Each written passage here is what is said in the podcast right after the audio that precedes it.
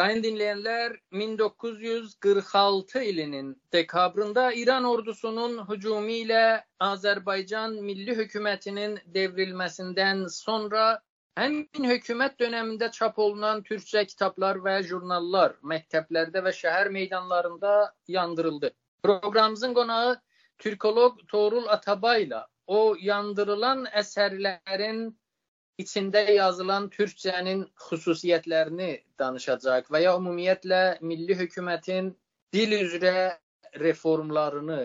Torul bəy, bu yaxınlarda Azərbaycan Civic Nation-ın əslində təşkil etdiyi bir onlayn konfransda sizin məruzəniz Azərbaycan Milli Hökuməti dönəmi dildə modernləşmə planlaması başlığı altındaydı. Nə idi? Onun bir çərçivəsini bəlkə çox xülasə şəkildə anladasınız eşidənlərimizə, sonra onları biraz daha ətraflı danışaq. Çox xoş gördük sizi. Dinləyicilərinizi salamlayaraq başlayıram. Danışığımız əsasında bunun üzərinə idi. Bildiyiniz kimi 1945-də ilk olaraq bu coğrafiyada hardasa bir 20 illik rəsmi yasaqdan sonra Türkçə tarixdə ilk olaraq və modern mənada bir dövlət dili kimi həyatın bütün sahələrdə işləklik qazandı. Yəni rəsmi dövlət dili halına gəldi ilk olaraq. Səfərlərdə qısa bir dönəm olmuşdu, amma ondan sonra bu işlərini itirmişdi. Mətbuatın dili modern mətbuatın dili halına gəldi, radio buraxılışının dili halına gəldi. Eyni şəkildə hardasa bütün mətbuatın birinci dili e, firqənin orqanları daxil, yayın orqanları daxil türkçə oldu. Bütün rəsmi yazışmalar, bürokratik mətnlər, nə bilim, ərizələr, vəsiqələr hamısı türkçə yazılmağa başlandı. Bu çox maraqlı bir hadisə idi. Eyni zamanda da üzərində çox e, vurğu ilə durduqları bu dil politikası ilə necə türkçəni o qədər e, yasaq dönəmindən sonra yaygınlaşdıra bilirlər, topluma mənimsədə bilirlər, oxutdura bilirlər. Bu bizim üçün, yəni sosiolingvistik olaraq əhəmiyyətli bir məsələ idi. Bir ilin içində necə bir sadəcə danışıq dili ilə, folklor dili ilə məhdud qalmış olan, sadəcə ədəbi üslubu inkişaf eləmiş olan bir dili necə bir dövlət dili məqamına gətirə bilirlər, bunun bürokratik şəklini, bunun publisistik şəklini, üslubunu necə yaradırlar, əhəmiyyətli və çox şaşırdıcı bir hadisə sayılır. Bunun üzərində durduq. Bunu nə şəkildə yaygınlaşdırırlar dili, hansı siyasətləri güdürlər və həssasiyyətləri nə idi? Özəlliklə farscanın aşırı təsiri qarşısında nə tədbirlər görülür və xalqa nə şəkildə mənimsədilir bu qısa müddətin içində və xalq tərəfindən də nə şəkildə mənimsənir dil və nə şəkildə bir milli dil şuuru yaranır xalqın içində bunun üzərində durmağa çalışdıq. Yəni bunu həyata keçirən o dönəm dövlətin təsis etdiyi bir dil qurumu mu var idi, bir komitə var idimi və ya siz o dönəmin əsərlərinə baxanda əgər o komitənin varlığı ilə bağlı bir məlumatımız yoxsa, illa ki bunun arxasında bir qrup işi var, bir ekspertlər fəaliyyəti var. Bunu deyərdinizmi? Əslində firqə dönəminin bildiyiniz kimi fikir babası Pişəvəridir. Pişəvəri bir çox şeyi mənə görə o 9 illik həbs dönəmində oturub düşünmüşdü. Yəni bu bir ildə əslində bunlar düşünülüb və planlanmış. Dilə dair 1941-dən etibarən yavaş-yavaş bildiyiniz kimi artıq 2-ci Dünya Savaşı bitdikdən sonra, hakimiyyət dəyişdirildikdən sonra İranda o nisbi demokratik e, vəziyyətdə türkçə yavaş-yavaş yenə yayğınlıq qazanmağa başlayır. Bildiyiniz kimi Azərbaycan qəzeti o, o dövrdə çıxmağa başlayır əslində. Sonra da ikinci dövründə Azərbaycan Demokrat Firqəsinin yayın orqanı nəşriyyəsi halına gəlmiş olur. Orada bu tasarlanmışdı. Yəni mən məruzədə də dedim, daha e, dövlətin qurulmasından aylar öncə ruznaməmizin dili haqqında bir yazı gedir orada. Necə biz bu dili genişləndirə bilərik, müasir hala sala bilərik, gözəlliklərini, incəliklərini necə ortaya çıxara bilərik və təmiz, e, zərif bir e, şəkildə xalqın önünə çıxara bilərik. Bunun üzərinə ciddi yazılar var və əslində elə Azərbaycan ruznaməsinin ilk sayısında çıxan bu ruznaməmizin dili başlıqlı yazı bir mənada firqə dövründə tamamilə gerçəkləşdirilən politikaları belirləmiş olur. Belə düşünürlər ki, əslində bizim Türkiyəmizin sərfi nəhv qaydələri çox möhkəm və təbiidir. Hətta içinə varid olmuş olan, girmiş olan farsça, ərəbcə kəlmələri çıxarsaq belə ali məqsədləri, yüksək fikirləri ifadə etməsi mümkündür. Buna rəğmən ciddi bir şəkildə e, xarici təsir altında qalıb. Bunlara da dildən bir şəkildə çıxarmaq lazım, amma bunda tələsməmək lazım. Çünki dünyada heç bir təmiz müstəqil dil yoxdur. Dolayısıyla zamanla bu əcnəbi təsirindən də qurtulmaq lazım, amma bu dili qəlizləşdirməyə və xalqdan qopmağa da yol açmamalıdır. Siz o qəzetdə indi yazılanları anladırsınız. Bəli, dəqiqən o qəzetdə yazılanlar və sonra elə qəzetdə firqənin orqanı sayılan bu qəzetdə təbii ki, Quzey Azərbaycandakı dili əsas alırlar. Deyirlər ki, oradakı tam olaraq orada yazılan şey budur. Şimali Azərbaycanlı qardaşlarımızdan yardım görməliyik, çünki orada bu zənginlik, dil zənginliyi, mədəniyyət, məarifin əsl şəkli qorunub və Bu şəkildə başlayır, sonra firqə hökumət qurulduqdan sonra terminoloji sıxıntısı yaşayırlar təbiəti ilə. Çünki quzeydəki terminoloji də yetərli deyil. Əksəriyyətlə rusca, hibrid ərəbcə, farsça kəlmələr çoxunluqdadır. Bu sorunu çözmək üçün Şəbistərinin başqanlığında bir lüğət vəz komissiyonu qurulur.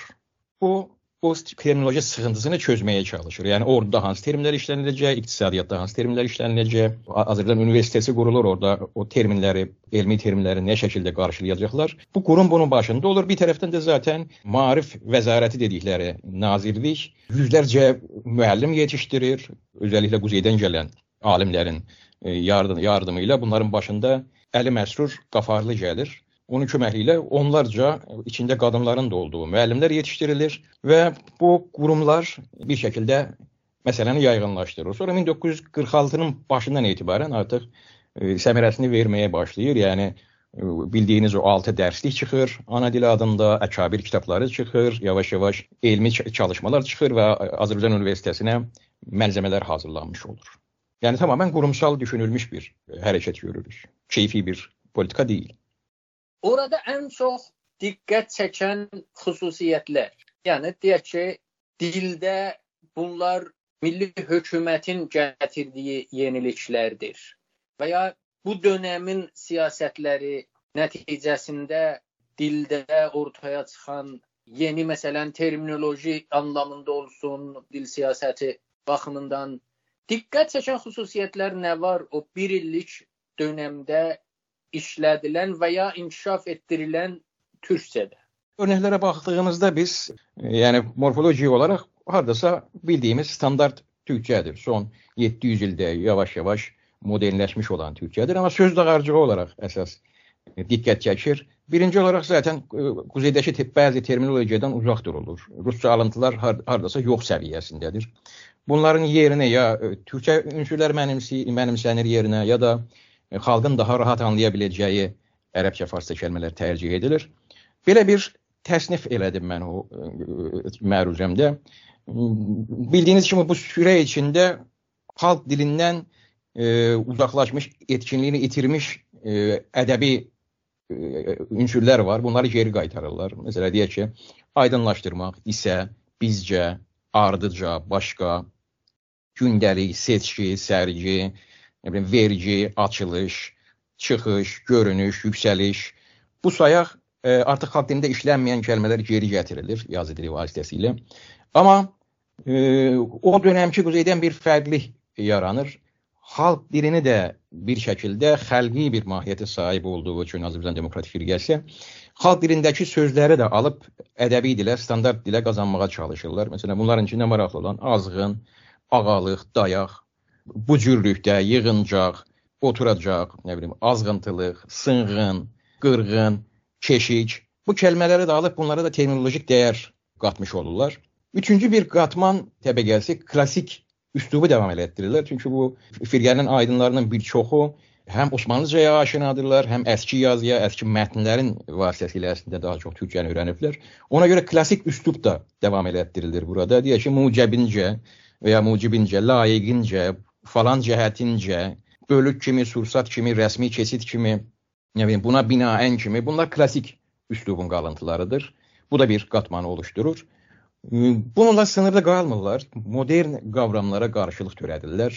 Bunların bəzisini elə hibrid kəlmələr deyirlər. Məsələn, deyək ki, abunəçi, baş vəzir, cümhur rəisi, xəzanədarlıq, təyyarə meydanı, tərbiyə evi, hesab maşını, təhrir maşını, Bunlar öz törətdikləri kəlmələrdir. Yəni ruscasının və fransızcasının yerini özləri törətməyə çalışırlar. Burdan türkçə terminolojiyaya daha çox əhəmiyyət verirlər. Yəni sürətli biz Azərbaycan ölkəsindən e, söz edilir. Qoşun söz edilir. Qoşundakı terminlər tamamilə hardasa türkçələşdirilir. atlı qoşunlar, topçu alayı, tabur, nə bilim süngü, bu tip təbirlər və yaxud ən məşhuru pul vahidi olan tümən bildiyiniz kimi türkçədə 10 min mənasında. Bu türkçə terminolojiyaya, tarixdən də gələn terminolojiyaya əhəmiyyət verirlər. Bəzən türkçə türkçəsindən də alıntılar görürük. Bir təbəqə daha farsçada işlənməyən alınma sözlər olur. Məsələn, dosya kimi, evim kumandan, baş kumandan, proqram kimi, serjant kimi. Bunlar farsçada işləy olmayan və sadəcə türkçədə işlənilən alıntı kəlmələrdir, alınmalardır. Bəzən Fərhəngistan qurulduqdan sonra, yəni fars dil qurumu qurulduqdan sonra tərk edilmiş olan, buraxılmış olan ərəbcə kəlmələrin də burada mənə görə şuurlu bir şəkildə işlədildiyini görürük. Məsələ şəhrdar yerinə bələdiyyə, şəhrbani yerinə nəzmiyyə, kəşavərzi yerinə fəlahət, hizb yerinə firqə, firqəvi, sərbaz yerinə əskər və ya fərhəng yerinə maarif, mətbəə, müxbir, məktub bunları tərcih edirlər farsça olan şəkillərinin yerinə ki, məncə şuurlu bir tərcihdir. Bəzən də farscadan e, almaq məcburiyyətindədir, çünki anlaşılabilirliyi də sağlamaq istəyirlər. Məsələn, deyək ki, güzariş, pəyam, pərçəmdar, pişnahad. Bu sayaq çox az sayda farsça terminlərə də müsahidə edirlər. Onun dışında quzeydəki anlamı ilə və farsça anlamından fərqli olan e, söz dağarcığını görürük. Deyək ki, farsçada işlənilməyən inkişaf, müharibə, sənətkar, ittifaq, nailiyyət, bədii, sədr, mədəniyyət, müstəmləkə və s. bunlar quzeydəki mənası ilə ərəbcə kəlmələrdir. Bəzən quzeydən fərqli olan terminologiya görürük. Bu da yenə o ruscaya, rusca şəkillərə və ərəbcə şəkillərə qarşıdır. Deyək ki, məsələ cəmiyyət yerinə camiəni tərcih edirlər. Məclis, vəzarət, familiya yerinə şöhrət, sədr yerinə rəis, davaxana, karxana, dəlixana, nə bilim, mərizxana və s. quzeydə işlənilməyən sözlər və bunun dışında bir də kəlmə törətdiklərini də türkçə köklərə dayanaraq kəlmə törətdiklərini də görürük. Neoloji dediyimiz e, ünsürlər. Yəni yer bölgüsü, bildiriş, göndəriş, genişlənmə, yer ölçən, e, Hitlerçi, qan soran, çevirən mütərcim mənasında, yəni sapsəriyən, farsça nəxrisi qarşılığı və s. gəmi düzəltmə və s. Bunlar yeni törətdikləri qavramlardır. Bu da maraqlı bir məsələ idi və də bütün bunlara milli bir anlayışın hakim olduğunu görürük. Özəlliklə qurum adlandırmalarında milli bir zehniyyətin hakim olduğu görünür. Qızılbaş ordusu təbiri tarixdən gələn bir adlandırma və ya dövlət meydanının Ali qapı meydanı adlandırılması və yaxud yer adlarının yenidən bərpası, Qızılözən adının məsələ deyək ki, yenidən bərpası və vahidlərdə, yəni metr yerinə arşın işlətmək, fərsəx yerinə ağac işlətmək, farsdakı real yerinə tümən işlətmək, burada da bir milli zehniyyətin hakim olduğunu görürük. Yəni siz bu terminlərə işarə etdiyinizdə bir tərəfdən farscadan fərqləndirməyə bir həssasiyyət var, şuurlu olaraq deyirsiniz. Doğru. Bir tərəfdən də amma xalq tərəfindən də anlaşılmasını istəyirlər. Ona Doğru. görə bəzi yerlərdə də o kəlmələri biraz fərqli bir şəkilçi ilə və ya tərkibdəki o yerini ərəbcə və farsçaya uyğun muzaf müzafilə sistemindən dəyişdirib türkçələşdirərək eyni şeyi işlədirlər. Sizcə bu, yəni bu dildə olan bu reform davam etsəydi, yəni bu bir uzun müddətli bir plana bənzəyirmi sizə görə? Orada yəni bir dildə bir dinamizm görürsünüzmü? Davam etsəydi nə olardı? və ya onsuz elə o bir ildən bu günə nə qaldı? Birincisi buna diqqət eləmək lazım. Əslində o zamanda Güney Azərbaycanda dilin statüsü quzeydəki statüdən daha irəlidədir. Bu statüyə yaxın, yəni rəsmi dövlət dili hər sahədə işlənilən e, Ruscaya müqabil bir dilə 1950-lərin sonunda biz sonuna doğru quzeydə tuş gəlirik. Əslində güneydə oradan daha yüksək bir statü qazanır və daha da yüksək bir milli şuur var. Məsələn, bütün bu politikaya baxdığımızda iki əsas ünsür görürük. Bir tərəfdən bir millilik qayğısı var, yəni bir ard zamanlı olan anakronik olaraq bir kimlik qoruması həssasiyyəti var. Bir tərəfdən də bir xəlqilik qayğısı var. Yəni eş zamanlı olaraq sinxronik olaraq orada yaşayan xalqın anlamasını sağlamaq. Bu iki qayğını bütün bu politikalarda görürük. Və dediyiniz kimi də bir həssasiyyət var əslində o sömürgə politikalarına. Məsələn, bunu ən yaxşı imlada görürük. İmlada alınma kəlmələri belə, məsələn, demokrat kimi, deyək ki, folklor kimi, aktor kimi, kurs kimi, bunları Osmanlı tərzi yazırlar. Yəni keyflə deyil, qafla yazmağa çalışırlar. Və Fərhəngistanın törətdiyi qavramları da qətiyyən işlətməməyə çalışırlar. Eyni şəkildə onların adlandırmalarını işlətməməyə çalışırlar. e, mənə görə əslində elə hardasa o illərdə Türkiyədə yaşanan 1930-ların ortasından etibarən Türkiyədə yaşanan dil devriminin bənzəri bənzəri yaşanır burada. Fərq burada budur. Bir də o ortadakı neçə 10 illik qopuqluğu da, yasaqlığı da nəzərə qataraqdan sosiolingvistik olaraq çox maraqlı olan bir dil inqilabı yaşanır əslində bu dövrdə və bu, bu yavaş-yavaş da genişləyir. Yəni bizim öngördüyümüz budur. Yavaş-yavaş məsələn soyadlarını dəyişdirməyə də başlayacaqdılar. Buna dair ipucları var. Belə bütün həyatda işlənilən sahələrdə işlənilən özəl adlardan tutmuş yer adlarından bunları dəyişdirməyə çalışırlar. Dili çırxalaşdırmağa çalışırlar və bir tərəfdən də imla məsələlərini e, çözməyə başlayırlar o qısa sürədə. Yəni buradan yola çıxaraqdan bilirik ki, irəlidə çox daha yüksək səviyyəyə daşıyacaqlar dili və də ən önəmlisi bizim üçün təbii o zaman yetişmiş olan o nəslin yazılı dil gələnəyini, ənənəsini bir şəkildə o coğrafiyada sürdürmək və o standart dilin bir mənada çərçivəsini çizmiş olmalarıdır. Bizim üçün ən böyük mirasları bu olsa gərək. Çox sağ olun. Təşəkkürlər müsahibə üçün Toğrul bəy. Çox sağ olun. Sizə də təşəkkür edirəm.